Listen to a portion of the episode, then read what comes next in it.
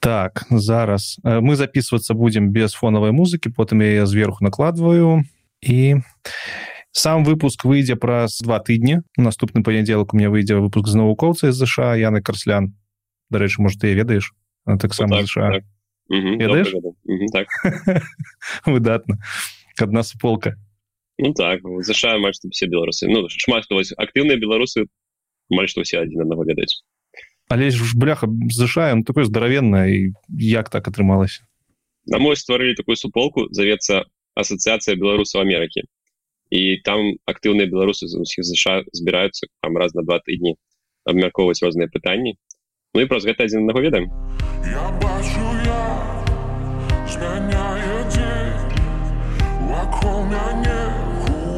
Вітаю вітаю вітаю усіх сябры вітаначкі нарэшце вы слухаеце трэці выпуск подкасту цёмны лёс напэўна трэці калі не памыляюся і гэта подкаст які у якім я размаўляю з беларусамі про тое чым яны займаюцца. У асноўным гэта навукоўцы праграмісты але бываюць і не толькі прадстаўнікі вось таких тэхнічных напрамкаў. І сёння мы будемм размаўляць з віталём самсонавым. Віталь ужо 24 больш напэўна за 24 гады жыве ў ЗША так працягваем тэму ЗША папярэдні выпуск быў пра ЗША і пра навуку сёння мы будзем размаўляць пра ЗША і пра тое як рабіць бізнес у ЗША Віталь прадпрыма аснавальнік стартапаў у культурнай медыцынскай сферах стваральнік сусветнай суполкі беларусаў сябры ці сябры Віталій мяне выправіць калі я неправільна сказаць суполкі з'яўляецца папулярызацыя беларускай мовы і культуры. Аб усім гэтым сёння мы будзем размаўляць э, з віталём. Так а Віталь некуды прапаў такое здараецца чакаем калі Віталь подключыцца до нашага стрыму А пакуль Віталь подключаецца я напомню вам что подкаст цёмны лёс можна слухаць на ўсіх подкаст пляцоўках Apple подкаст Google подкаст нават Spotify э, таксама зараз нас заплаю там таксама можна нас слухаць. І таксама можна глядзець відэо стужку на Ютубе там мы светим сваімі тварамі таму калі вы нас слухаеце на падказ пляцоўках можете прыйсці на YouTube заставіць свае каментары і пасачыць за тым як мы сябе паводзім у жыцці а не толькі у аўдыо фармаце так нейкія праблемы сувязі ўзнікай нічога нічога бываем я ў Польшу ты у ЗША таму паміж намі тысячи кіламетраў гэта здараюцца такія штукі так я тебе ўжо прадставіў ці чу ты як я тебе представляў на жаль не. Усё тое что ты мне напісаў у файліку дзе записываются гости подкасту что ты прадпрымальнік заснавальнік стартапаў культурна-медыцынскай сферы ды стваральнік сусветнай суполки беларусаў сябры. Ці сябры. Як правильно? Напэўна сябры все ж таки добры сябры.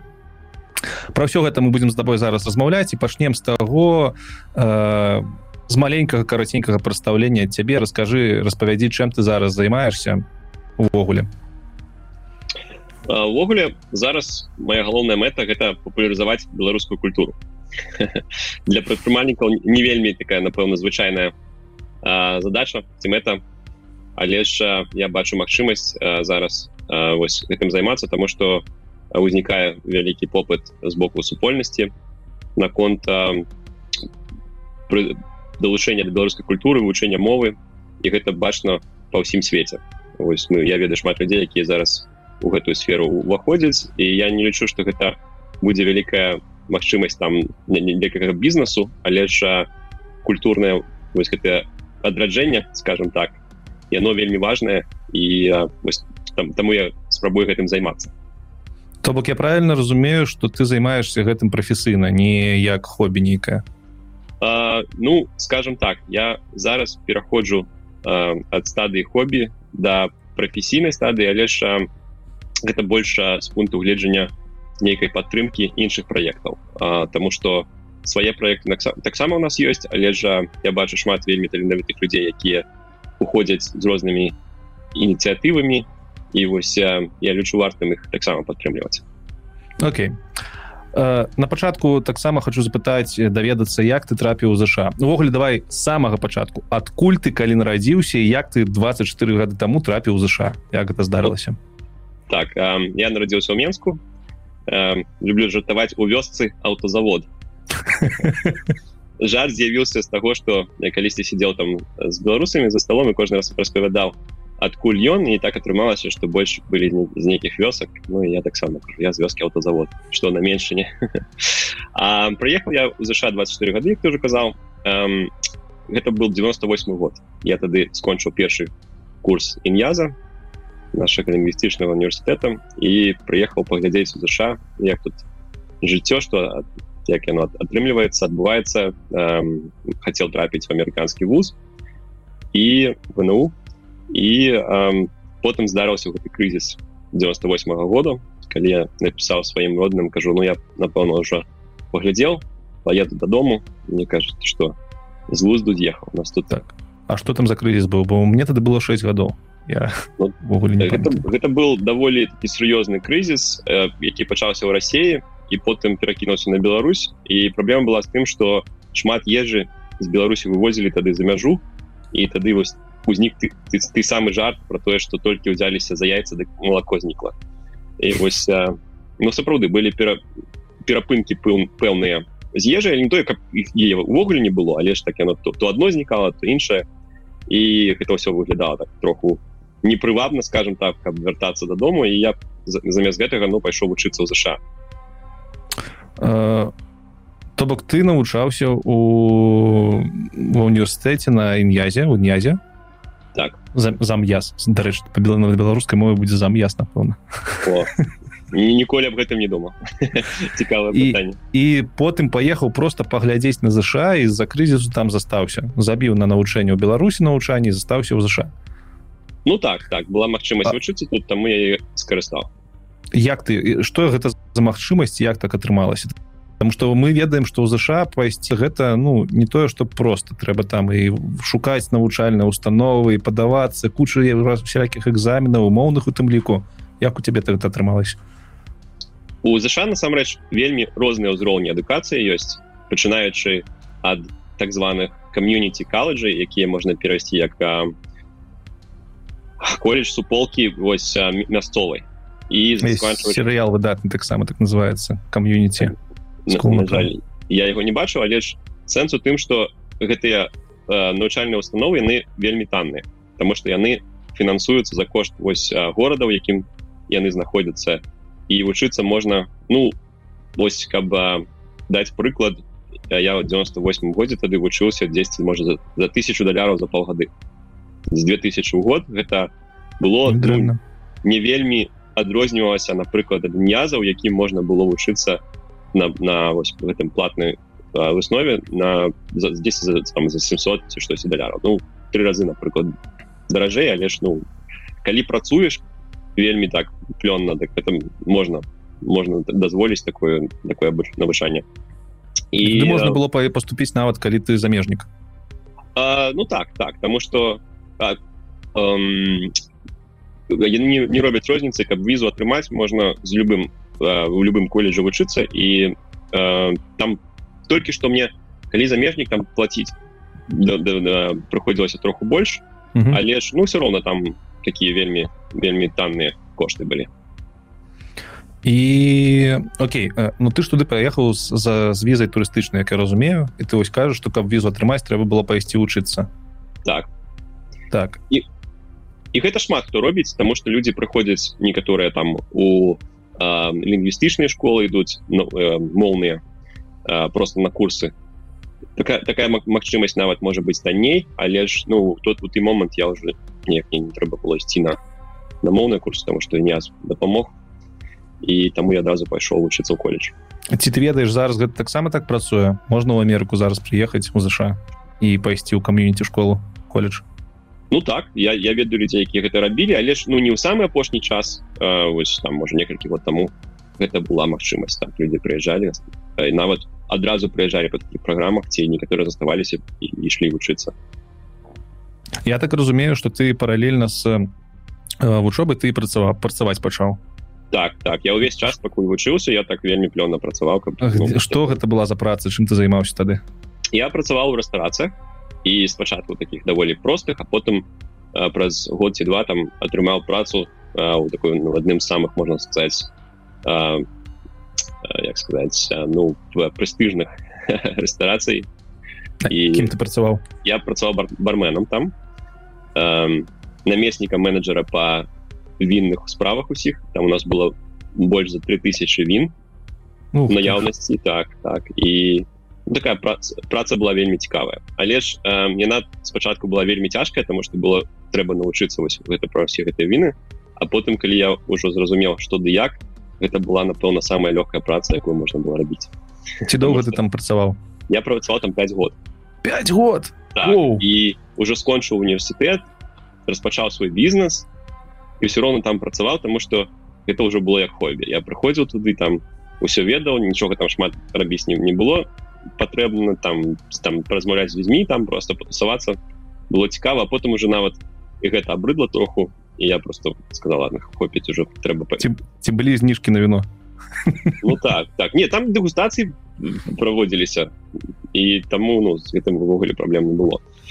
Тобто ты то бок ты можаш зараз можаш даже нават можа нават можаш параіць нам выдатнае віно якое ёсць у ЗША зараз ну так нет віна нас насамрэч розных там зашмат іх мільёны напэўна.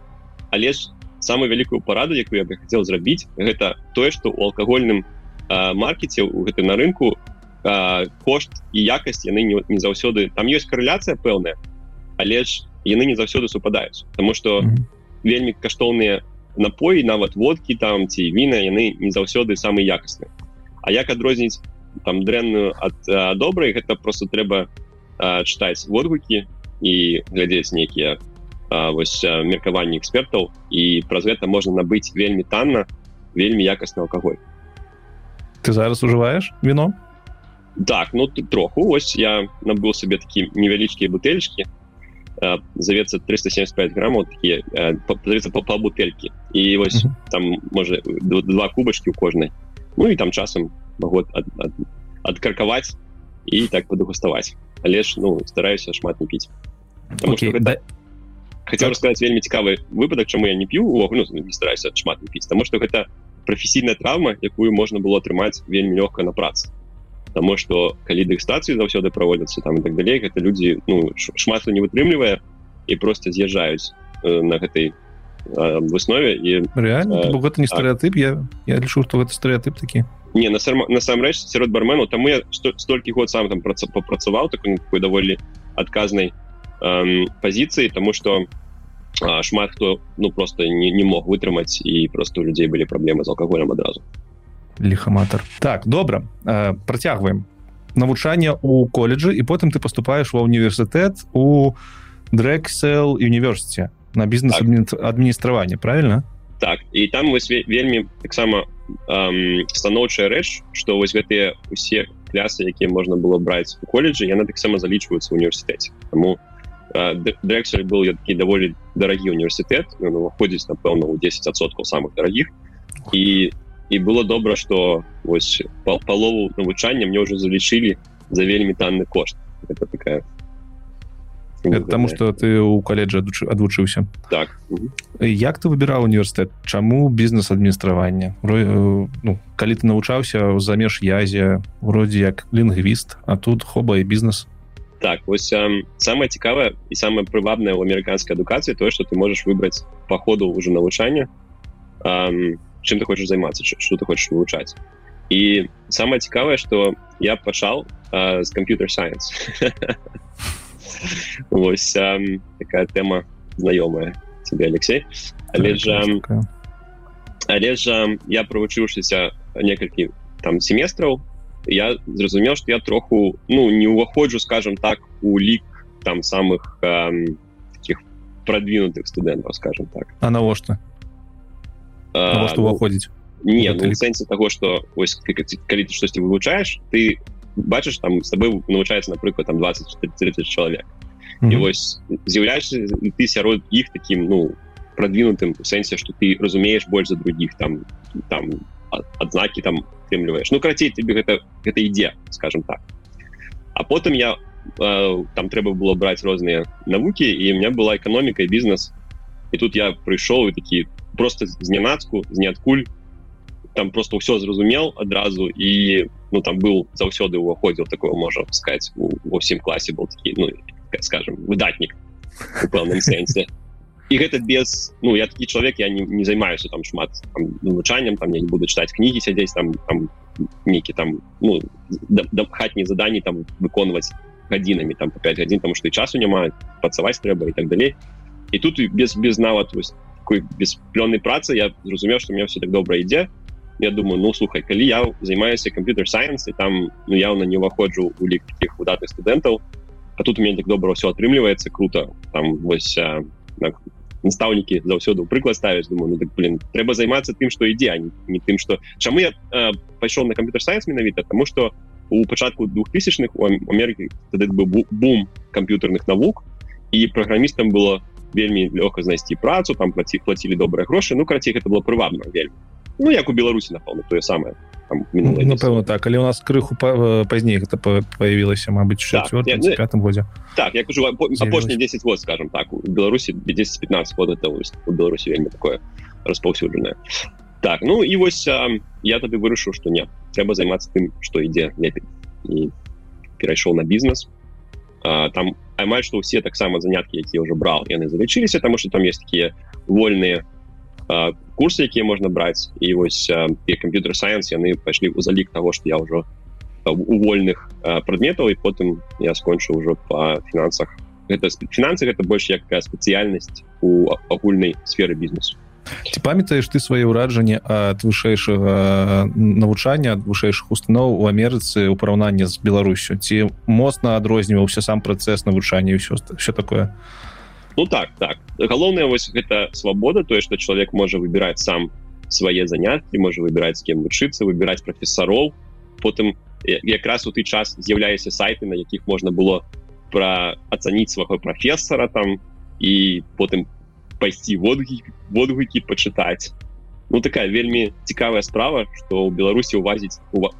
зрабіць неяк уразіць гэта было вельмі цяжка колькі год ты навучаўся на бізнес я даволі хутка вось міну апошнія два з паловы там пяцілетняя праграма была я ее скончыў за полторы гады А так можна что так потому что ізноў ты бярэш ты, ты не толькі выбіраеш прадметы прафесароў а ты яшчэ можаш выбраць іх колькасць Вось напрыклад ты прыходзіш у беларусі у цябе там колькасць напрыклад там у семестра сколько там 5-6 прадмет так? А тут ты можаш брать узяць болей і чаму я брал болей тому что кошт навучання ад гэтага не змяняецца ты можешь 8 предметов можешь 4 минимум было 4 и чем хутчэй скончыш ты менш заплоціш так так аплоціш за семестр. Тому ты бярэш у два разы больш прадметаў і скончваеш у два разы у два разы хутчэй слухай ну добра А что накшталт там сесій ды экзаменаў Ну Беларусі ж гэта там кожныя паўгоды паўгады на працягу 5 год А тут что тут ты можешь скончыць э, нейкі прадметы адразу пайсці на экзамен калі ты нават один гэты прадмет скончыў як гэта ну, калі ты бярэш один прадмет які таксама людзі робяць ты можешь схадзіць на, на ну, яго здаць mm -hmm. у нас у нас была сістэма у нас былі нават не семестры у нас былі а, чвэрці тому увесь семестр шел 11 тыдняў толькі это mm -hmm. вельмі гэта менш за три месяцы тому ну такой был темп вельмі высокі але ж калі ну, ізноў калі чалавек вельмі матываваны гэта все як сказаць прапоны яны ніяк не, не спыняцца ну, просто нужно было хутка вучыцца праца у меня было ўвечары там я прыходзіл на, на працу так віны гэта все раскладывал потым уже мог займацца там нават троху там павучыцца штосьці там написать.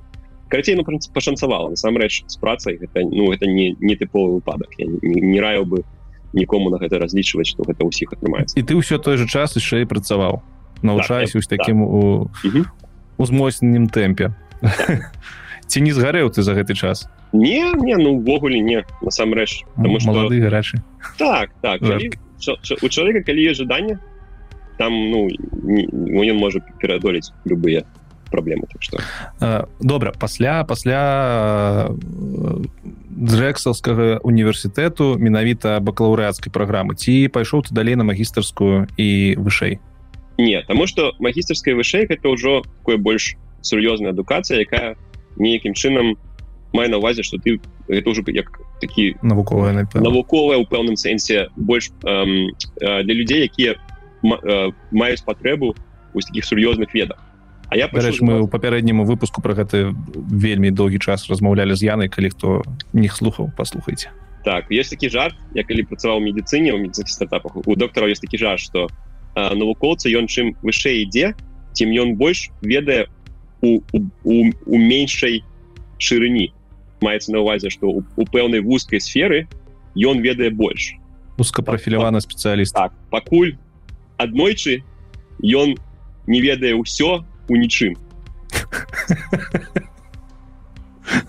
Ох, цяжкае цяжкае пытанне для многіх навукоўцаў канешне Ну гэта жарт гэта жарт такі просто. Ну, зразумела ну, калі працягваць такую думку что ты чым вышэй ідзеш ты тем у меншай сферы ведаеш больш і калісьці можа атрымацца что это сфера Ну але гэта датычыцца ў асноўным наколькі я разумею навукоўцаў тэарэтычных бо практыкі яны часто працуюць там пры усялякіх э, лабараторыях і даследчых цэнтрах у здаравенных карпорацыях і там ты можаш быць і узка прафіляваным спецыялістам але там рабіць працу якая дапамагае вялікай велізарнай колькасці людзей напрыклад. Ну гэта уже больш практыкі. Так так але нават доктары добра. У які час у цябе з'яўляецца свой першы бізнес нейкая ідэя калі гэта з'яўляецца у тваім жыцці? Ну вось калі я скончыў ужо навучанне у меня было пытанне ці ісці працаваць на нейкай карпорацыі ці можа паспрабаваць стварыць штосьці сваё. І вось тады у у мяне з'явілася магчымасць там адзін са знаёмых меў бізнес у будаўнічай сферы.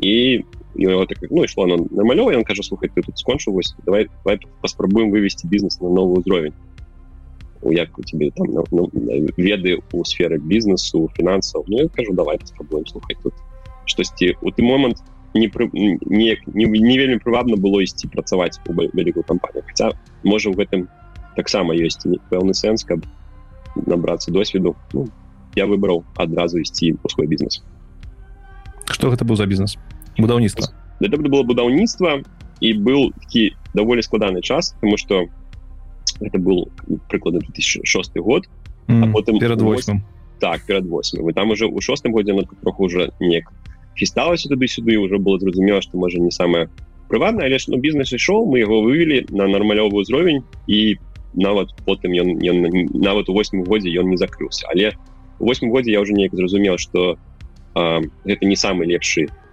перспектыва росту няма і таму я гэты сваю долю ў бізнесе продал і пайшоў займацца нават не стартапамі а просто такими банальнымі паслугамі ў сферы медыцыны мы просто займались... так тебе занесла ці сачыў за медыцынай і хацеў туды попасть у гэту галіну так, так, амаль тая самая гісторыя подошел інший знайомий каже слухай я тут чув що ти з такого бізнесу вийшов там все так нормальово пройшло давай у нас тут ще бізнес є в медицині давай долучайся до нас будем працаваць разам ну их там бізнес май что вогу не працаваў і ось а, мы таксама гэтым займаліся некалькі год ну это складана было і я зразумеў что можа не самое лепшае тым чым я хотел займацца і мы займаліся перавозкамі у медыцынской сферы это было кшталту хуткай дапамогі эм, служба прыватная І напэўна у цябе ў лінкедыне да сіх напісана что ты там працуеш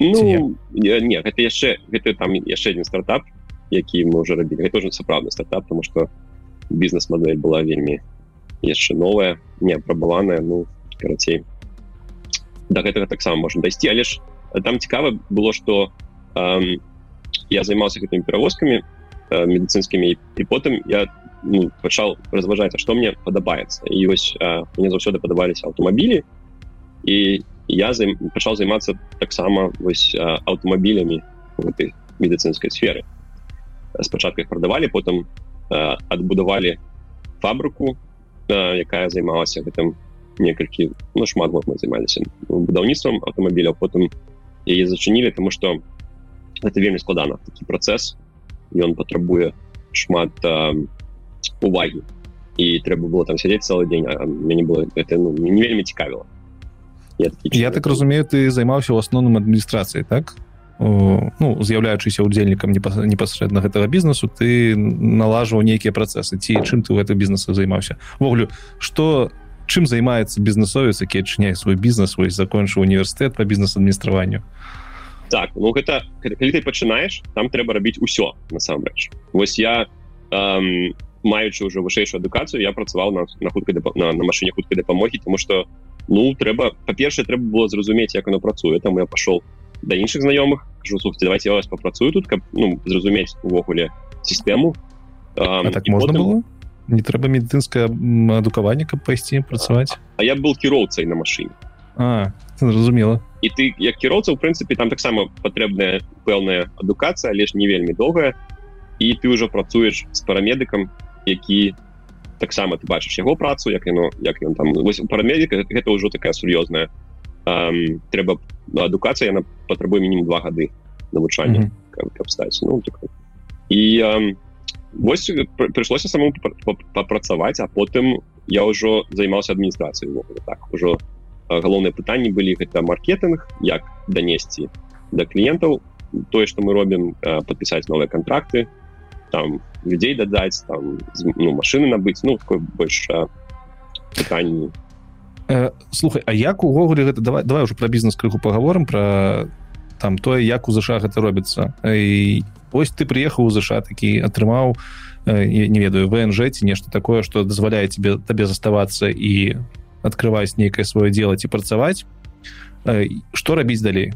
Якія формы уласнасці ёсць якія документы патрэбны з чаго пачаць калі ты малы бізнесмен хочаш нейкі малыя не ведаю аматарскі бізнес ці можа ты хочаш открываць здаравенную распрацоўшую кампанію? І куды падацца што рабіць у ЗША это даволі лёгкае пытанне тому что формы у ЗША даволі простыя усе в асноўным выкарыстоўваюць две формы гэта LLC ці таварыства з абмежаванай адказнасцю ці LLC гэта аналог нашага тавары так, напэўна гэта аналог нашего нашага таварыства з абмежаванай адказнасцю о якое о по-расійску ну, так? так, так, я про гэта, а, гэта першая форма. А другая? Так. а другая форма карпорацыя mm -hmm inc. Incorporated. Яна розніца галоўная ў тым uh, як um, на, на, на гэтую форму глядзіць uh, дзяржава ці падатковая сістэма что таварыства з абмежаванай аказнасцю там больш спрошчана ўсё але ж напрыклад яго нельга вывесці на рынок каб на там гэтых uh, каштоўных папераў. Mm -hmm. uh, так так. Um, і для гэтага ўжо трэба карпорацыя і хотя можна змяніць.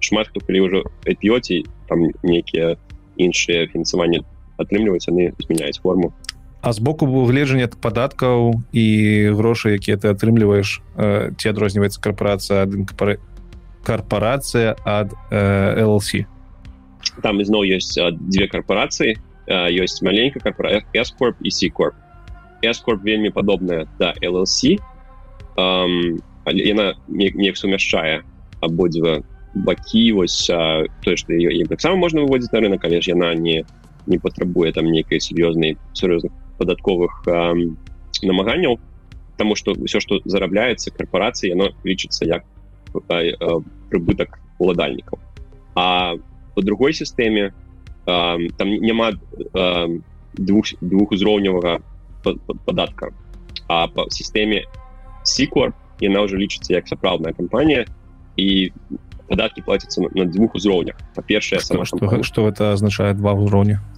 тому что па-першае сама кампанія плаціць падаткі а потым так. потом потым яна ўжо выплочвае дывідэнды з якіх яшчэ і ўладальнік плаціць падаткі А вось Кам... у першых двух схемах mm, такого няма там все что зароблена плоціць толькі з гэтага падаткі уладальнік все корпорацыя сама не, не павінна нічога плаціць гэта у першым тыпе карпорацыі і у LLC так працуе так?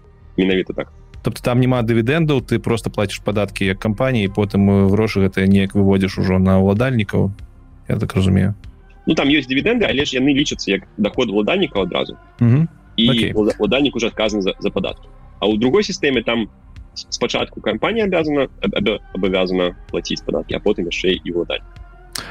Як аб э, як справы у тых хто жадае рабіць зусім маленькі бізнес. Напрыклад я прыязджаю ў ЗША і ведаю хочу работать дальнабойшчыкам і у мяне ёсць грошы каб купіць э, сваю уласную машину. Ось цягнік я покупаю. І что мне трэба лсе адчыняць там самый лепшы спосаб усё ж таки адчыніць лсі тому что по, по, по дзвюх пытаннях па-першае праз адказнасць юрыдычную у сэнсе того что калі не штосьці здарыцца але у вас лсі няма вы усімі сваімі уласным уласнай маёмасцю будете адказваць за за праблему калі у вас есть лсі у гэтым у гэтым выпадку вы ўжо маеце абмежаваную адказнасць толькі ў рамках лсі а по-другое таксама праз падаткі тому что праз кампанію прасцей э, спісаць э, выдаткі калі, калі у вас э, маёмасць ну, ну, юрыдычная адказнасць уласна там там складаней атрымліваецца ну, то, ты можешь напрыклад купіць э, цягнік не цягнік хай будзе машину купіць машину на конт кампаніі і не спісаць гэта з падаткаў так гэтую суму ну, так, так. потому что гэта власнасць кампаніі так. Окей а... больш складана ў сэнсе того что эм, там цягнік грузавік скажем так его можна і так і сяк спісаць але ж вось там некоторые выдаткі которые там толькі можна пры пры наяўнасці кампаніі. Добра А калі ўзяць другі э, прыклад на напрыклад я прыехаў і жадаю быць фрылансерам айцішнікам. Мне няма кампаніі на якую я працую я хочу просто фрылансіць. Мне таксама патрэбна лосі это все пытанні наконт таго ці ёсць там нешта падобна да нашага ip індывідуал інтрапренёр ёсць.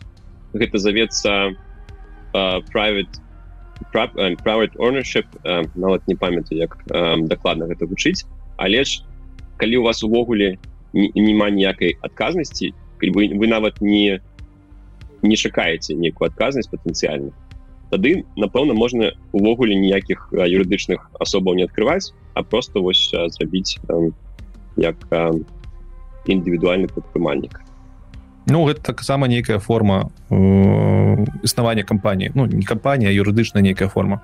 Так. То бок это не так что приехаў працуеш а потым просто там падаходны налог раз у год заплаціў як фізычная асоба і ўсё прыкладна так насамрэч потому что тому что так тому что там вялікі сэнс у тым что кампаній нават няма увесь бізнес гэта вы. Там нельга аддзяліць сабе сябе ад кампаній і атрымліваецца что все что вы зарабілі таксама вы плаціце падаткі у тым прыкладна варыянце як і калі бы вы зараблялі грошы напрыклад на, на працы на нейкай Окей. Uh, едем далей прыязджаем у Амерыку у ЗША і такія ўсё uh, там вырашылі рабіць uh, нейкі онлайн-магазин і понялі зразумелі што нам трэба лсі якія наступныя крокі Ну самы лепшы uh, крок это пайсці да бухгалтера і дамовіцца з ім каб самому бухгалтерыю весці тут нельга не можна вельмі лёгка але ж там можна штосьці пропусціць і гэта будзе каштаваць значна больш чым заплатіць некалькіх сотен даляраў там бухгалтеру. Тому э, трэба паразумець что кошт вось бухгалтерыі у ЗША ён довольно даволі танны адносна у там калі палічыць там адсоткі ад агульнага бізнеса напрыклад з беларусі я думаю что эм, там будзе значна танней у сэнсе что э, у беларусі напрыклад зараз эм, там кошт вялікі тому что сістэма вельмі складаная вялікая адказнасць такая праца якую ну людзі не задавальненнем скажем так скажем так выконваюць у ЗША гэта няма праблем гэта там даволі ўсё так зразумела хоць таксама падатковы кодекс ён складаны але ж ён яго можна спрасціць да нейкіх паняццяў якія усім зразумелы і таму адказнасць напрыклад з боку бухгалтера яна невялікая адносна ці ёсць нейкія электронныя сервисы якія могуць замяніць бухгалтера? Так так зараз вельмі шмат стартапа якія гэтым займаюцца mm -hmm. нават ёсць такія сістэмы якія аўтаматызуюць полностью полностью улік бухгалтарскі у сэнсе того что вы просто бярэце свой банкаўскі гэты стейтмент ды яго запампоўваеце і сама сістэма полностью усе там выдаткі вырашае там просто дае такі вынік вось там вось такі і вы можете таксама паглядзець праверыць ну как ці адпавядае это вашим там параз... вашаму паразуменню куды гэта ўсё пайшло але вось праца бухгалтера на зараз вельмі моцна аўтаматызуецца. Так зразумела. Знайшлі бухгалтера дагаварыліся все працуем разам. Далей куды? А, ну далей бухгалтер дапаможа вось аформіць гэтыя ўсе май формы маёмасці і э, там гэта даволі хутка займае можа там тыдзень ці што цікава гэтым бухгалтер можа займацца не юрыст які-небудзь які спецыялізуецца ў кампаніях не не бухгалтер менавіта юрыст ён напэўна патрэбны для таких вельмі складаных пытанняў. Напрыклад там одна кампанія набывае другую там ці зліваюцца кампаніі ось для гэтага там уже патрэбны нейкія людзі якія будуць там глядзець на менавіт юрыдычны фактор тут тут юрыдычны фактор яшчэ невялікі тому что тут усё пытанне менавіта у падатках у, у, у фінансах а не у не, не з боку не, не з пункту гледжання заканадаўства тут больше, так. зразумела з бухгалтерам ідзеце запаўняець нейкі там документы я так разумею выбіраеце абіраеце сістэму падаткаў і что рэгіструйтесь так так і ўсё в прынцыпе уже я там праз тыдзень ці што прыйдзе усе паперы прыйдуцца і уже можна працаваць то тобто то бок за за один тыдзень реально адкрыць лсе так. Банкаўскія аккаунты банк з банкамі вялікія замарожкі па першым часе? Не не не там э, трэба вось гэта атрымаць паперу аб том аб тым что оформілі э, юрыдычную кампанію потым трэба звярнуцца у падатковую сістэму амерыканскую гэта онлайн займае 5 хвілін прыкладна э, вы заходите запаўняеце форму інфармацыю про ладальніку і вам выдаецца так так званы ідэнтыфікацыйны нумар падатка плательшчыка это уже ў федеральнай амерыканскай сістэме і праз гэты нумар ты уже можаш открываць рахункі банкаўскія без праблем вось пры двух пры наяўнасці двух папераў тое что ты зарегістраваўся форму маёмасці гэта робіцца праз штат. Тут два ўзроўні федеральны ўзровень які вырашае один один з пытанняў одно з пытанняў і ось узровень штата які вырашае іншыя пытанні на на кроку выбару падатковай сістэмы ці шмат там э, усялякіх варыянтаў. І якія падаткі якія гэта проценты каб мы разумелі прыкладна ад чаго залежыць. Um, у бізнесе насамрэч uh, падаткаў не, не шмат. Гэта ізноў падаткі ад штата і падаткі ад дзяржавы і потым яшчэ можа быць нейкія мясцовыя падаткі um, на якім узроўні э, залежыць ад ваших узроўня ваших э, вашага прыбытку потому что такая шкала яна не не цвёрдая 10 прыкладна я б сказал от 25 до 35 отсотков у таких 25 до 35 это вогулам усё у, у суме. Так. Так. Недрэнна недрэнна ну да. так. Окей так амерыканская что? Я казал казал что падатковая сістэма увогуле яна не ну, не вельмі такая яна спрыяльная для бізнесоўцаў скажем так. ну ведаеш ёсць же гэты стэеатып что усюль акрамя там з пост снгшных краінаў падаткі вялікія вялікія але ніхто не звяртае увагі на тое что там у калі ты працуеш на кампанію то так ты плаціш там нейкі один адсотку але кампанія яшчэ за тебе там 30 асоткаў ці нават больш плаціць і увогуле атрымліваецца ось на ўзроўні як у ЗША можа і больш на гэта не ўсе звяртаюць увагу ідзем далей. Такое пытанне калі ты э, па-першае ці моцна залежыць э, сам гэты працэс усталявання стварэння ад таго штату якім ты пражываеш? Менавіта сама форма маёмасці на прыкладна усюль аднолькавая. І спосаб яе афармлення таксама ён не вельмі адрозніваецца.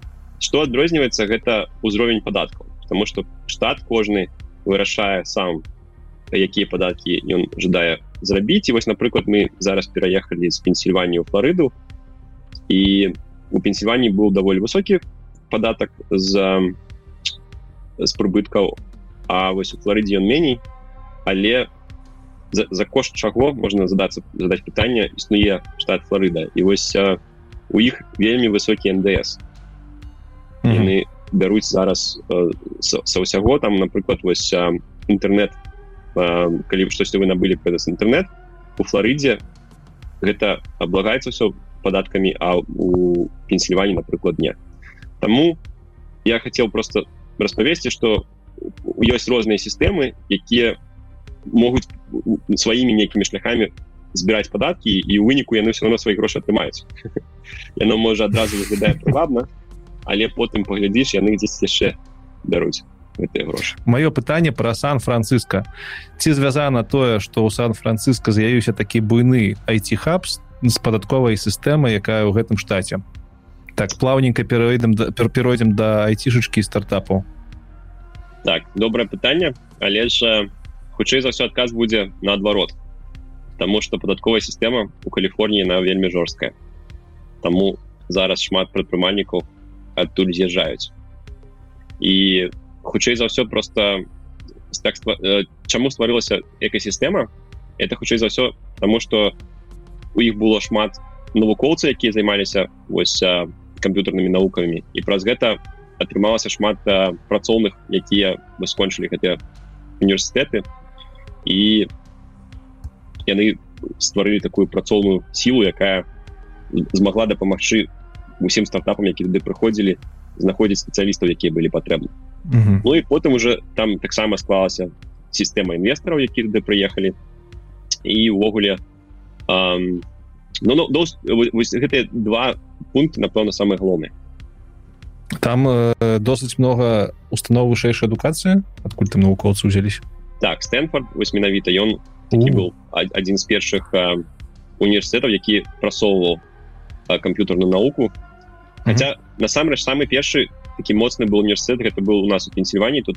эм, гэта універсіті фэм які стварыў ты самы эньяк адзін з першых сучасных кампутараў яшчэ там 50 годы цікава цікава і ад э, сан-францыска перакацімся крыху ў стартап тусоўку усе ведаюць што францыска не толькі айцішка францыска все стартаперы нашы не нашы усе туды едуць усе кажуць што там месца моцу я не ведаю месца там дзе ты можаш э, выстраліць як праект что ты лічыш на гэты конт як той хто жыве ў ЗША ці сапраўды сан-францыска такое месца сілы для ўсіх э, бізнесоўцаў пачынаючых.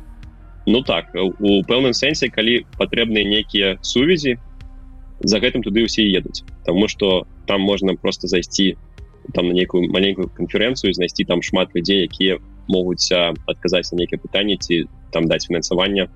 Але зараз такая тэндэнцыя ідзе што шмат бізнесаў яны больш раз'язджаюцца по сша і такія ствараюцца больш як нетворк з хабаў гэта і бостон нью-йорк нават Майами тут у нас а, такая биткоин слэш крипто тусовка якая вось таксама развіваецца довольно даволі буйна я так разумею гэтаму паспрыяў коронавірус на пачатку так?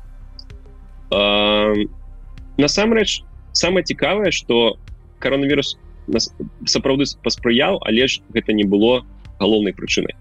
Таму что вось гэтыя тэндэнцыі якія узмацніліся падчас коронавірусу яны ўжо існавалі.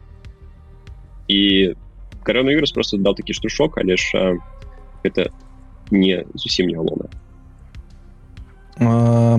Окей. А ці, ці ось ты кажаш што хабы зараз з'яўляюцца ў розных штатах.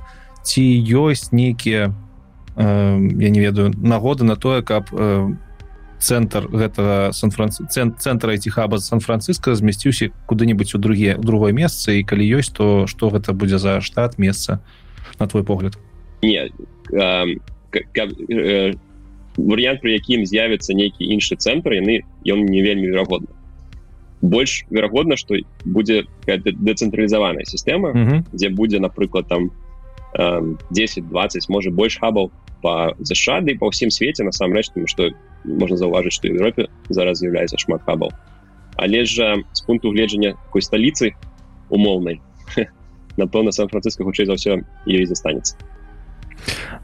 Ну і як я разумею гэта ж не так зараз сфармулюю сваё пытанне. Калі ты распавядаеш про сан-францыска то вось ты кажаш что там у контакты суполка ўсё гэта вось ты прыйшоў там на нейкую канферэнцыю пазнаёміўся але ж напэўна ж гэта не так все просто адбываецца Чаму чаму тады не ўсе бізнесоўцы усе едуць у сан-францыска Чаму гэта ўсё з майго боку ось там нават з Польшчы нават з Беларусь таксама гэта заўсёды казалось як некая суксес сторыка ты калі ты приезжаешь у сан-франциско А ты рассказываешь что гэта ну так просто приехаў згадзіў на тусовку знайшоў контакты все тебе паперла ну, не, не, не все я, я вельмі спрасціў ситуацию так я так. просто показал такі больше э, як сказать позітыўны прыклад mm -hmm. ну не все так просто і галоўны галоўны бар'ер які узнік узнікне гэта кошт. Тому что насамрэч як ты сам казаў что шмат нават з Польши людзей едуць туды увесь свет імкнецца неяк трапіць у сан-францыскай тому кошты там сапраўды велізарныя і вось праз гэта ну не кожны можа дазволіць там жыць нават все там ну вось напрыклад паркоўка ў сан-францыска можа каштаваць напрыклад 60 даляраў у дзень это только каб машину поставить на день. Гатэлі калі там канферэнцыі праходзяць вялікія гэта там даволі часто адбываецца могуць каштаваць 300-400 даляраў такія на больш танныя у дзень неверагодна вось, вось такія кошты так. Добра добра можешь казвай так э, зразумела трэба много-много грошай каб попасть сан-францыска можа гэта грошай не хопіць ну так. Але ты сам там бываў ну вось мы на мінулым тыдні тут там былі і нават рабілі такую сустрэчу беларусаў бізнесоўцаў mm -hmm. прафесіянал айцішнікаў э, под эгідай есть такая суполка справа беларуская якая аб'ядноўвае бізнесоўцаў і бы это был такі першы першая сустрэча прыйшло даволі шмат народу такое была цікавая размова. Суполка справа это ты добра заўважыў мне няма такой інфармацыі о том что есть такая суполка. Давай адразу распавядзі что гэта за суполка чым займаецца Ну я заснавалі якраз бізнесоўцы за Каліфорніі сша. І яна даволі на, на раннім этапе знаходіцца але ж яны таксама спрабуюць зрабіць нетворкінг сярод беларускіх бізнесоўцаў і вось только беларускіх я так разумею. Ну, в асноўным так. Там ну вось напрыклад на наш пер першай сустрэчы там былі людзі з эстоніі нейкія там але ж яны таксама вельмі блізка звязаныя былі з беларусю пэўным сэнсе так можна сказаць что в асноўным беларус як трапіць у гэтую суполку можна зайсці на сайт our справа напэўна кропка ком.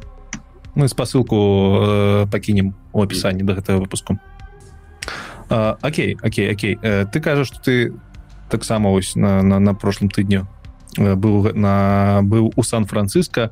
Можа у цябе ёсць якія-небудзь уласныя ўражанне як там все адбываецца як табе спадабаласці не ці бачыш ты сябе э, недзе ў будучыні пераехаўшаму сан-франциско каб рабіць э, велізарныя проекты добрае пытанне. так так. Насамрэч сан-францискі вельмі складаны горад. Ён не не, тое каб такі прывабны з усіх бакоў тому что зараз там а, шмат людзей якія жывуць на вуліцы.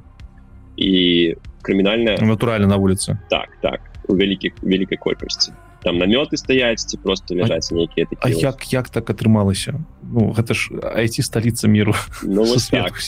атрымалася галоўная дзе прычыны. Па-першае гэта надвор'е добрае таму там, ага. там вельмі спрыяльна жыць на вуліцы. А по-другое Каліфорнія яна такая вельмі сацыяльна арыентаваны штат і таму яны э, робяць шмат праграмаў для падтрымки вось гэтых людзей без, без, жытла. І праз гэта там насамрэч яны атрымліваюць за вялікія грошы каб жыць на вуліцы там э, лекі атрымліваюць. Нават нават можна э, там э, атрымаць наркотык сапраўды по праграме.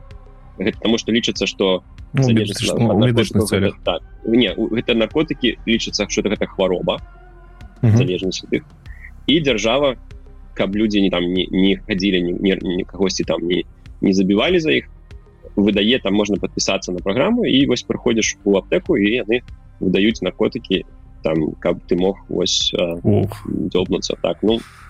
Цікавыя правілы наконт крыміналітэту ты таксама пачаў казаць я тебе пера перабіў так там вельмі цяжкае становішча зараз тому что нават на вуліцы нельга машину пакінуць з чымсьці больш-менш каштоўным у машыне тому что калі нават на тых паркоўках якія каштуюць 60 даляраў ну можа там троху а, больш бяспечна але вось калі ты на вуліцы запаркаваўся так, так там увогуле нельга нічога пакінуць і нават я спрабавала дайсці там на 10-20 метров яны кажуць чаго ты пакінуў свае рэчы я кажу так я ж вось ну там адысці літаральна там на, на, на хвіліну не кажуць нет нават хвіліна гэта хопіць для кагосьці подбегчы выбіць гэта окно і схапіць там все что в машине ляжыць так ну насамрэч дзіўна але ж правда. Гэта вельмі дзіўна як гэта все ўжываецца разам та...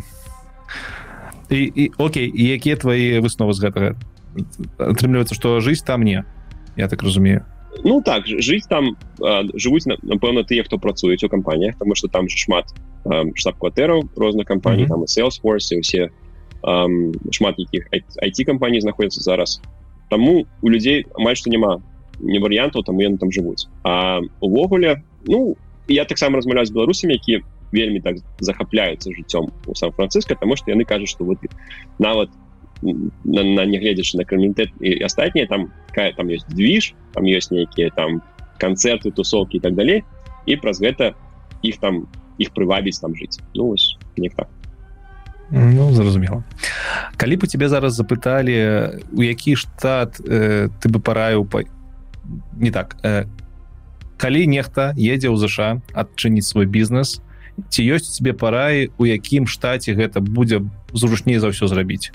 І з кропкі гледжання і бізнесу і жыцця. Калі я напрыклад планую ехаць у ЗША жыць і паралельна адчыняць бізнес. Я бы сказал напэўна 10 на, на поўнач такі mm -hmm. рэгіён завецца мидвест гэта вакол там ільнойс міннесота вискансин там насамрэч надвор'е можа не самае спрыяльнае але ж вось з пункту гледжання бізнесу магчымасцяў там даволі шмат. Чаму менавіта там?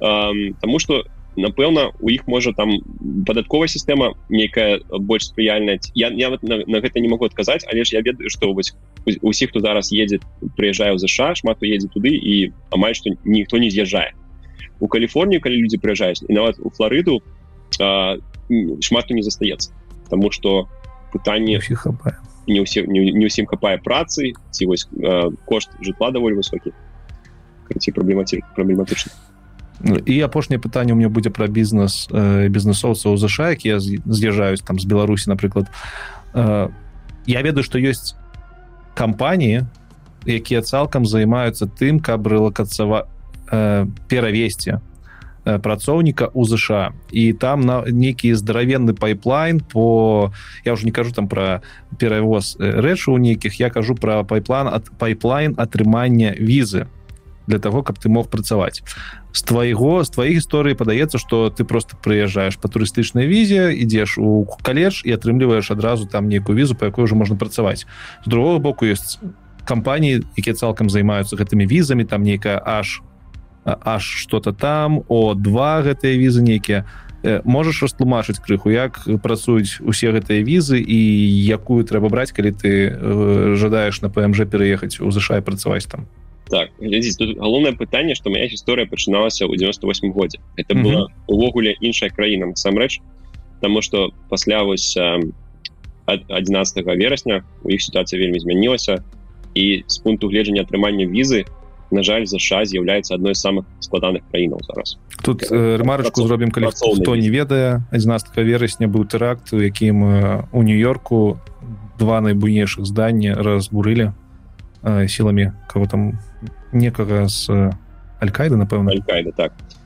І гэта самый галоўны вынік этого ўсяго был той что э, ЗША змяніла сваю палітыку да вось да іншаземцаў іншаземцаў у 98 годзе тут было увогуле ўсё лёгка ўсё было спрыяльна а потым адразу і там і візавыя праграмы вось на на працу і навучальныя праграмы яны вельмі змяніліся і таму зараз можа вось з пункту гледжання менавіта працоўнай візы я, я чуў ад людзей якія ну мараць трапіць сюды але ж это супер цяжка ну але ты на, на ты ведаеш больш мяне гэта дакладна так таму можа быць я не ведаю что-нибудь з апошніх гісторыяў якія ты чу а тым як траплялі ў ЗША твои знаёмыя. І, і як гэта была ну самая самая распаўсюджаная гісторыя гэта там атрымаць грын-карт на конкурсной основе так так. Людзі гулялі вы гэту лотерею годами запар там можа по 10 год шмат хто атрымліваў потым. Калі вось так uh, persist как як кажуць это uh, настойліва быць вось тады можна все зрабіць ізноў mm -hmm.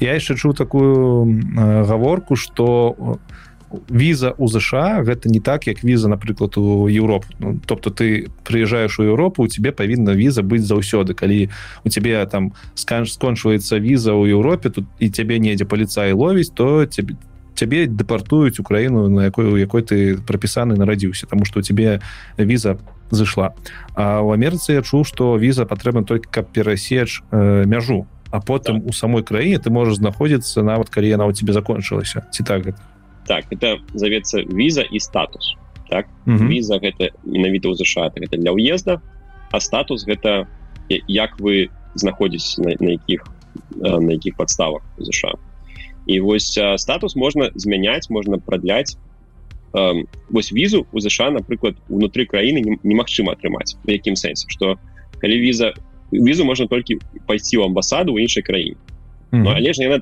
дае дае магчымасць толькі уехаць у краіну а знаходзіцца ўжо потым калі вось напрыклад вы прыехалі по гасцёвай візе але хочаце вучыцца вось вы поступілі універсітэт вы просто запаўняеце гэты паперы дасылаеце у іміграцыйную службу што вось я я жадаю змяніць свой статус за візітэрскага на студэнцкі напрыклад і яны разглядаюць гэта раней даволі хутка адказвалі зараз ва ўсіх ёсць пэўныя праблемы па часе і таму гэта можа заняць заняць пэўны час. Але наколькі я памятаю недакладна але эм, калі вы паперы даслалі яны ўжо пацвердзілі атрыманне але адказ не далі то вы лічыцеся як легальна знаходзішся mm -hmm. калі, і калі яны адмовяць то да ўжо трэба неяк ці выязджаць ці там апеляцыю рабіць і на права працы таксама так разумею гэты статус уплывае а не віза вось працы праблема потому что праца праца гэта это троху іншая пытанне і я не ведаю дакладна ці можна працаваць калі вы падалі на працоўны статус тому что ну каб, каб працаваць таксама трэба напрыклад гэты нумар падатка плацельшчыка але яго немагчыма атрымаць дакладна без ужо пацверджання статусу. Тому Ну окей калі калі калі-небудзь можа запросім кагосьці хто займаецца рэлакацыяй ЗША там уже запытаем па ўсіх гэтых падрабязнасцях. Давай рухацца далей рэч калі я зараз скажу слова рухацца мне заўсёды это заўсёды лыблюся тому что ў Польшчы слова рухацца азначае крыху другое у нас. Хто ведае то ведае перайдзем да суполак менавіта да суполкі сябры. Я з сябрамі сутыкнуўся напэўна ў 2019 годзе. Гэта быў той год калі э, расцвітаў клабхаус. Такая прылада калісьці была у якой можна было гутарыць э, гукам без відэо яна тады набірала хайп здаравенны і там з'явілася суполка сябры суполка у якой наколькі я памятаю былі беларускамоўныя э, комнаты дзе можна было паразмаўляць на беларускай мове з бізнесоўцамі не толькі з бізнесоўцамі і вось там я тебе першыню сустрэў ці гэта было тое месца где з'явілася гэта суполка сябры. Так потому что ідэя суполки стварылася пасля ўжо калі пачаўся клубхаус мы туды зайшлі паглядзелі что такая ну, даволі цікавая была пляцоўка скажем так на якую збіраліся просто ну самыя выбітныя людзі свету.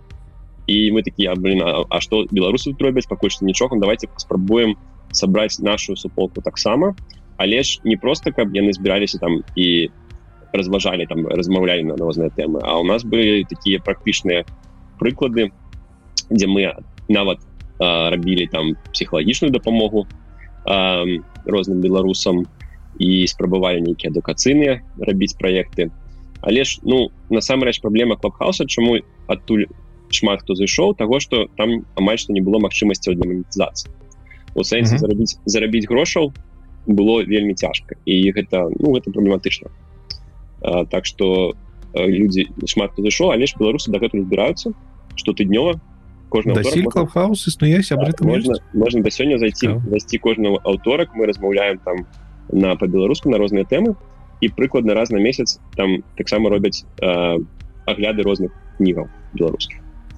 спасылочки таксама заставим. Там же зараз можна спасылки на пакоі рабіць якіх так, зараз можна ага. так спасылка на клабхаус Окей что зараз сябе уяўляе суполка сябры і увогуле у што яна выросла? Якія у вас мэты з'явіліся ці не з'явіліся для чаго вы існуеце так раней у нас былі вельмі шырокія мэты тому что клабхаус давал шмат магчымасцяў але зараз яны троху звузіліся у сэнсе что мы фокусуем фокусуемся на папулярызацыі беларускай мовай культуры. Вось менавіта ў гэтых пытаннях мы лічым зараз на большую вартасць навошта трэба збірацца неяк тому что культура наша трэба патрабуе дапамогі потому что ў шмат якіх краінах гэтымі пытаннямі займаецца дзяржава а у нас она з культуры змагаецца это не наш вариант так.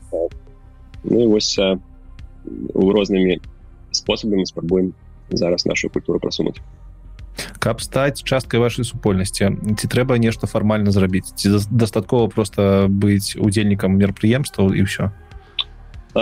Не у нас фармаль фармальнага няшмат прыходзьце на клабхаус это будзе такі самы просты спосаб далучыцца і там можемм таксама абмеркаваць нейкія праекты пытанні ці ідэі дарэчы зараз у клубхаусе ж можна любому чалавеку зарэгістравацца так? Так так. Это, это спачатку ну, сістэма. Ну. акрамя клубхауса сябры сябры недзе яшчэ існуюць? Ну у нас есть телеграм-канал і ёсць Facebook. Але самое цікавае что проекту сябры атрымалася два якія узніклі амаль што адначасова незалежнасці адзін ад аднаго. І таму таму что другі проект ёсць яшчэ заветны сябры дат орг якіх быў веб-сайт але зараз яны так троху знаходзяцца таким э, дармантным стане і мы спрабуем неяк наши ресурсы аб'яднаць тому что навошта беларусам две суполки самаль что они займаются прыблізна тым же так? Так так калі ты пісаў мне что ты заснавальнік стартапа у культурнай сферы. Ты меў на увазе менавіта сябрыці яшчэ нейкі у тебе проекты ёсць у гэтым напрамку кірунку Не, у, у нас есть проекты. Вось напрыклад мы працуем проектам бел капела гэта калекцыя беларускай акадэмічнай музыкі якая онлайн яна вось яшчэ онлайне не з'явілася мы зараз працуем над менавіта веб-сайтам і у беларускай музыкі насамрэч есть вялікія ресурсы вялікія скарбы скажем так. Але ж яны раскіданыя по розных скажем так ресурсах і мы вось не спрабуем гэта все сабраць в одном месцы каб свет даведаўся про хараство нашай музыкі выдатна гэта другі проект. Сябры каб бел капела нешта яшчэ на, на даны момант на дадзены момант ёсць яшчэ розныя таксама проекты які мы разглядаем. У нас есть яшчэ цікавы проект мы завем яго сябры кропка туб гэта суполка беларускіх ютубераў потому что все все я там таксама ёсць зразумеў але гэта зусім новенькі проект. Так так мы яго пачалі пачалі такі некалькі тыдняў таму і я бачу што яго насамрэч вялікія перспектывы тому что ізноў беларускім каналам зараз трэба падтрымка і мы гэта можемм зарганізаваць ці можам мы ў гэтым выпуску зрабіць такое некае каля публічнае запрашэнне тых беларуска беларускіх аўтараў Ютуба якія нас паслухаюць э, зайсці к нам у суполку напрыклад праз цябе як адміністратора так так. У нас а, там шмат уже адміністратараў тому ласка долучайцеся у нас таксама есть программа акселерацыі у якую мы за, якую зараз мы тэстуем але ж з час цягам часу калі мы зараз все праверым мы будем у яе браць таксама усіх жадаючых. А вось у суполку напрыклад у наш телеграм-канал мы запрашаем усіх каго цікавіць беларускі YouTube телеграм-чат. телеграм-чат так, ага. Э, про акселерацыйную праграму мне дарэчы самому цікава таксама паслухаць что э, гэта за яна і хто яе быць хто хто плосіць грошы скажем так. Ну грошы ідуць у асноўным за кошт вось нашай суполкі сябры якая спансіруе гэты гэтую праграму. Але ж у у сэнсе яе істотнасці мы бачым неабходнасць што беларускім ютуберам патрэбна падтрымка у у стварэнні больш якасна якаснага змесця змесціва напрыклад праз абсталяванне якое патрабуецца часам. Таксама патрэбная падтрымка у рэкляме і ў прасоўванні каналаў. Таму што шмат хто стварае якасны контент але ж яны не ведаюць як яго прасоўваць. І вось праз гэта мы збіраемся накладней мы зараз робім праграму якая займаецца вось гэтай кансультацыямі в этой сферы але каб я далучыцца там трэба троху яшчэ часу каб мы гэта все праверылі дарэчы дарэчы дарэчы про беларускамоўную YouTube. Я не ведаю як табе але мне не хапае вось такога звык звычайнага контенту просто по-беларуску не контента э, про тое что беларуская мова патрэбна і не палітычнага контента якога валам зараз на тебя просто звычайных контент там не ведаю тэхнаблогераў кулінарныя нейкія рецепты да просто там агучка якіх-небудзь серыялаў вось гэтага вельмі не хапае. Что что что табе не хапае на беларускамоўным Ютубе? Згодны з гэтым что трэба ствараць такі больш просты прывабны контент і вось гэта мы, мы як, якраз э, спрабуем гэта падтрымаць ідэю гэтага. Але ж менавіта які контент гэта ўжо я б не сам выбіраў я б глядзел что ствараюць і на, на, на, на выніках гэтага уже рабіў бы нейкія уласныя я сказаць густы. Таму что зараз цяжка гэта праказаць і контент трэба тому что яго майж няма але на твой асабісты густ ці ёсць якія-небудзь там перавагі які-то бок контенту? Ну вось напрыклад да, меня вельмі цікавіць гісторыя літаратура і такія такія ёсць ужо блогі відэоблогі напрыклад Андрея хадановича які зараз робяць вельмі крутыя агляды напрыклад сусветных твораў у кантэксце беларускіх сучасных падзеяў гэта таксама круто тому что гэта такі рэлевантны контент ссылочку таксама скінем так. опісанне А я я, я выкарыстаючыся момантам хочу падзякаваць рудзе гэта канал які робіць агляды на гульні. Я ўвогуле не гуляю ні ў якія гульні. І таму мне цікава часам паглядзець А што ж там у гэтых гульнях ёсць такога і вось рудзі робіць агляды на беларускай мове добра яшчэ апошняе пытанне мне пра сябры засталося. Гэта не тое чтобы маё пытанне мне тут больш-менш зразумела але аўдыторыя яно можа ўзнікнуць. Калі по-простому адкуль беруцца грошы? Тому что я прям бачу як нехта прыйдзе і скажа что вось там сябры нейкая суполкаю і адкульсьці грошы з'явіліся. Ну напэўна хтосьці там карацей хтосьці гэта можа нават з палітыкай звязаць. І не ўсім будзе зразумела як такія суполки могуць жыць за за, за кошт за кошт за які кошт яны жывуць. Таму что выглядае як будто бы гэта альтруістычная суполка у якой няма там нейкай камерцыі ўсяго такого не но сам рэч тут о камерцыі сапраўды рэч не мова не ідзе тому что ну мы не не спрабуем ніяк зарабіць на гэтым грошы. Тут галоўная ідэя каб падтрымаць і папулярызаваць беларускую культуру і грошы мы не кажам про вялікія мы кажам там у умоўно кажучы там напрыклад тысячу даляраў у месяц.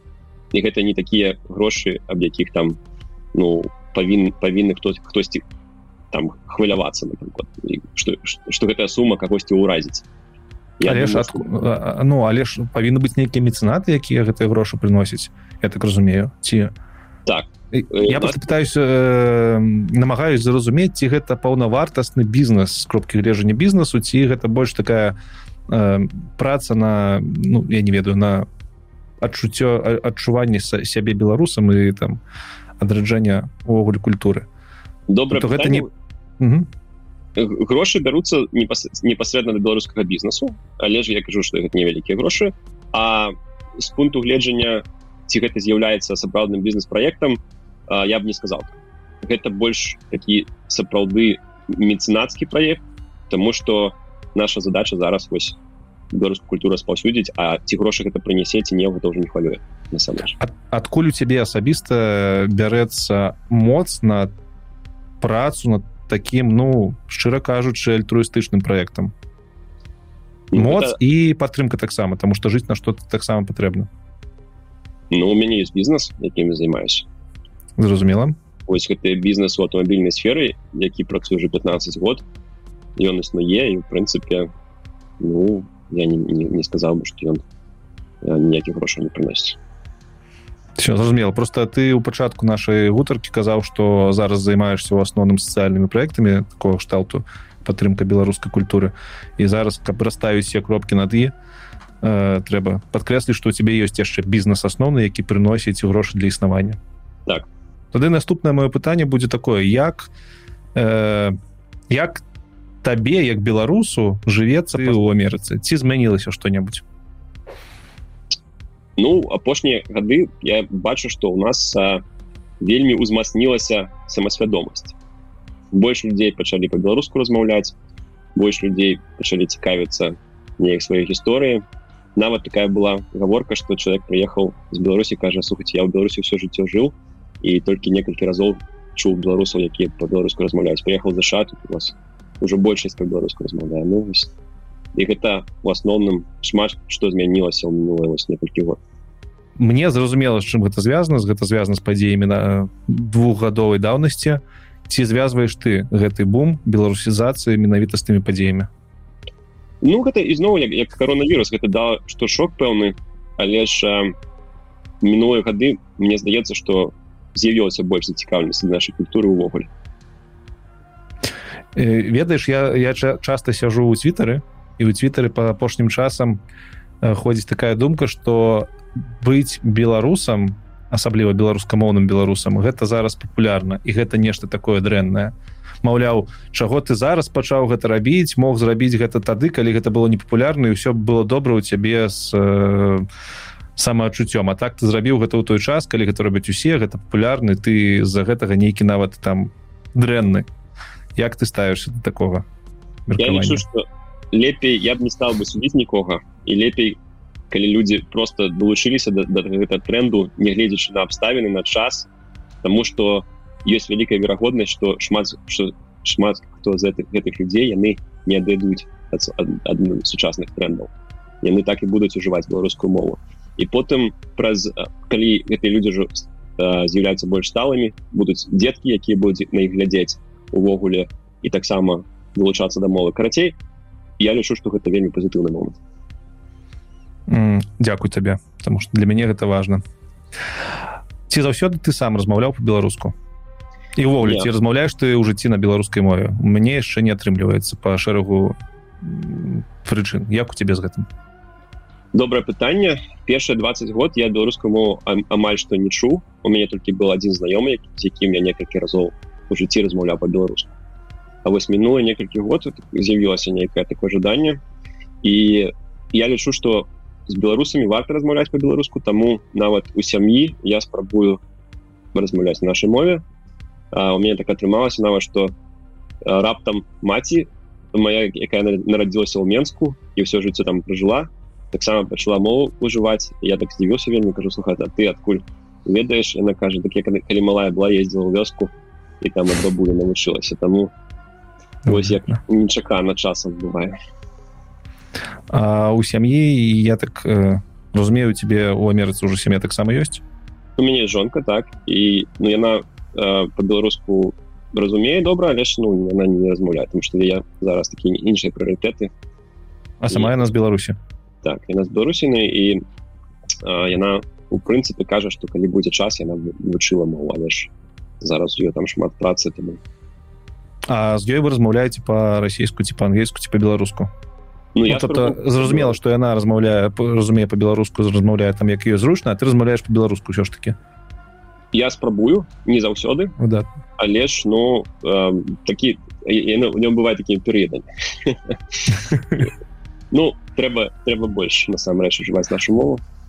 Тады да цябе будзе таксама для цябе будзе можа таксама наступнае пытанне важлівае як ты ставішся да кэнслінгу беларускамоўных беларусаў як ты ставішся да кэнслінгу беларускамоўнымі беларусамі расійскамоўных беларусаў зараз гэта таксама крыху папулярны тренд становіцца не ну гэта я лічу увогуле непрымальна тому что трэба разумець рэчаіснасць якое мы існуем і ну рэчаіснасць так, складаецца з таго што зараз вялікая пераважнасць беларусаў яна расійскамоўнай але ж тут тут есть два варианты ці іх неяк адхіляць хейціць там кенселіць ці неяк з імі працаваць і далучаць прывабліваць тым ліку праз контент і так далей і вось я ну я я бы эм, пайшоў бы по-другому шлях потому что насамрэч э, не праз прымус не праз кэнсені мы не зможам гэтых беларусаў ніколі далучыць да беларускай мовы.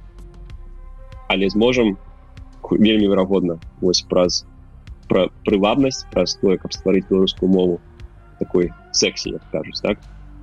І каб беларусы хацелі самі і на ёй размаўляць что на твой погляд сёння нам не хапае каб зарабіць беларускую мову у і увогуле беларускасць сексі я лічу насамрэч что умовы для гэтага існуюць сапраўды потому что ёсць пэўная група людзей якая у гэтым зацікаўленая трэба зразумела падтрымка трэба каб вось бізнес ці простыя беларусы неяк таксама удзельнічалі в гэтым потому что гэта наша агульная справа. Гэта не павінна быць справай там только некалькіх энтузіастаў якія можна сказать свое жыццё кладуць а все астатнія глядзяць на гэта і кажуць ну давайте нам больш контенту давайте давайте нам вы павінны нам гэта зрабіць то тут ніхто нічом нікому не павінны але ж трэба каб мы все працавалі разам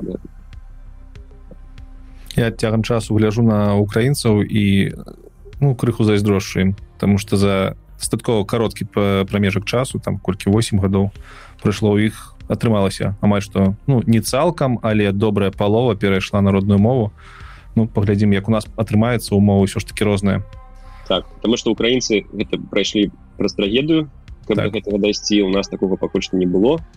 І можа не трэба нам трагедыі тут а, пытанне ў тым каб плённа і няспынна працаваць я я бачу что пытанне пераходу до беларускай мовы гэта нават пытанне не, не, не там месяцаў ці ці некалькі год гэта пытанне пакаленняў напэўна. І вось а, трэба до гэтага ісці няспынна скажем так. Э, паралельна з беларускай мовай мне заўсёды падавалось что трэба добра ведаць ну нават не добра просто ведаць беларускую гісторыю праз е ты будзеш дазнавацца і пра культуру і пра ўсё астатняе і як у цябе з гісторыяй ну я... ты вывучаў яе ці ты недзе сачыў за ёй вось ты казаў что ты проекты падтрымліваеш гістарычна жадаеш маеш жаданне падтрымліваць. Э, як пазнаць гісторыю? Як ты гэта рабіў зараз таксама ёсць на Ютубе шмат каналаў якія дробяць добрыя добрае змесціва гістарычнае. Мы можем спасылачки потом выкласці. Так Андрей хаданович мы уже записали і шесть посылок накідаешь я тады так таксама в описании закіну. Так але хаданович больш літаратура знаўца паэтчык яго інш троху таким літаратурным кантэксце. Але ж у гістарычным таксама есть шмат канал якія робяць якасны матэрыял але ж гісторыю я сапраўды згодны что трэба ведаць тому что каб адчуваць сабе беларусам трэба разумець адкуль беларусы прыйшлі. І гэта вось бэкграунд это паходжанне но вельмі важно а яго можна зразумець толькі праз простое каб зазірнуць у мінулае. Ці думаў ты что будзеш рабіць калі у тебя з'явятся дзеці? Ну увогуле там напэўна усе думаюць пра дзяцей можа не думаў думаў ці не думаў не, не, пра дзяцей так, так, так. так. і ось ты знаходзішся ў ЗША ўжо 24 гады і напэўна ты не збіраешься ў бліжэйшы час вяртацца ў Беларусь. Ну, шчыра кажучы. Ну залежыць што значыць бліжэйшы час і ад абставінаў тут шмат ну, да, давай, давай по-другому да, тады задам гэта пытанне. Калі не будзе абставінаў спрыяльных каб вярнуцца і жыць у Беларусі што рабіць з дзецьмі нашымі якія нарадзіліся ў другой краіне як зрабіць так каб яны не страшвалі э, карані сваіх бацькоў? Ці можа нават не трэба гэта рабіць можа адпусціць іх все яны зараз там грамадзяне другой краіны і пусть яны не будуць ведаць там пра Беларусь нічога. Но мне здаецца что гэта ад бацькоў асновам залежыць у сэнсе что калі бацькі адчуваюць нейкую неабходнасць у тым каб іх дзеці ведалі пра сваю спадчыну культурную mm -hmm. тады вельмі важна іх далучаць да гэтага і у прынцыпе зараз для гэтага магчымасць сама існуюць тому что есть і онлайн праграмы і ты самы клабхаус где можна там таксама з дзецьмі там спрабавалі штосьці зрабіць um, там проекты кштал кшталту бейбус беларуская хатка. Ну ёсць магчымасці каб дзяцей вось дамовы менавіта далучыць зараз вось хакатон які праходзіць там таксама было некалькі проектаў не ведаю ты сёння это э, гутарка ідзе про культурны код. Так. Катона тымагуру А ці сустракаў ты ў Амерыцы за гэты час які-небудзь праекты по адукацыі беларускамоўнай каб можна было свайго дзіцяці аддаць і навучацца на беларускай мове? Ёсць такія мясцовыя праекты там у ілінойсе але ж яны даволі маленькія.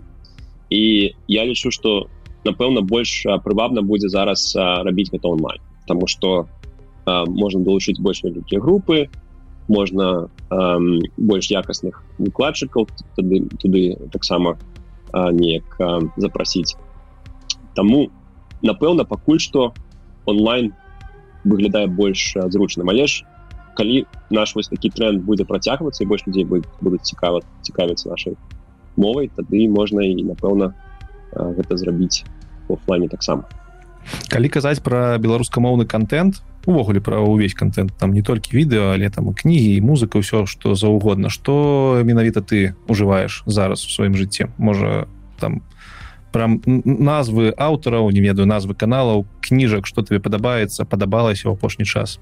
Ну, вось, а, калі так паглядзець на, на, на мінулыя некалькі месяцаў я вельмі захапіўся творамі марціновича вельмі такі круты твор гэта мова такая фантастыка фантастыка нават? ну скажем так футурологія у такім беларускім кантэксце нават з элементамі трылера баевікоў карацей вельмі круто. І таксама яна вельмі актуальная ў сэнсе таго што ўвогуле здаралася з беларускай мовай. І можа таксама камусьці расплюшыць вочы на сітуацыю з, з, з іншага боку.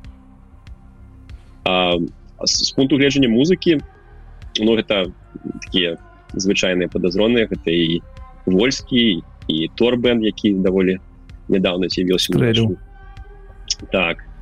А, ну і, і таксама шмат новых гуртоў. У нас таксама ў амерыцы тут з'явіліся беларускамоўныя гурты якія есть да, ладно. 50 51 можете поглядеть на да, ютубе. 51 так называется? Да, лічбами 5051 5051 послухаем. Так такі хит беларус ну они такие сцёбные троху молодые хлопцы играюць рэп.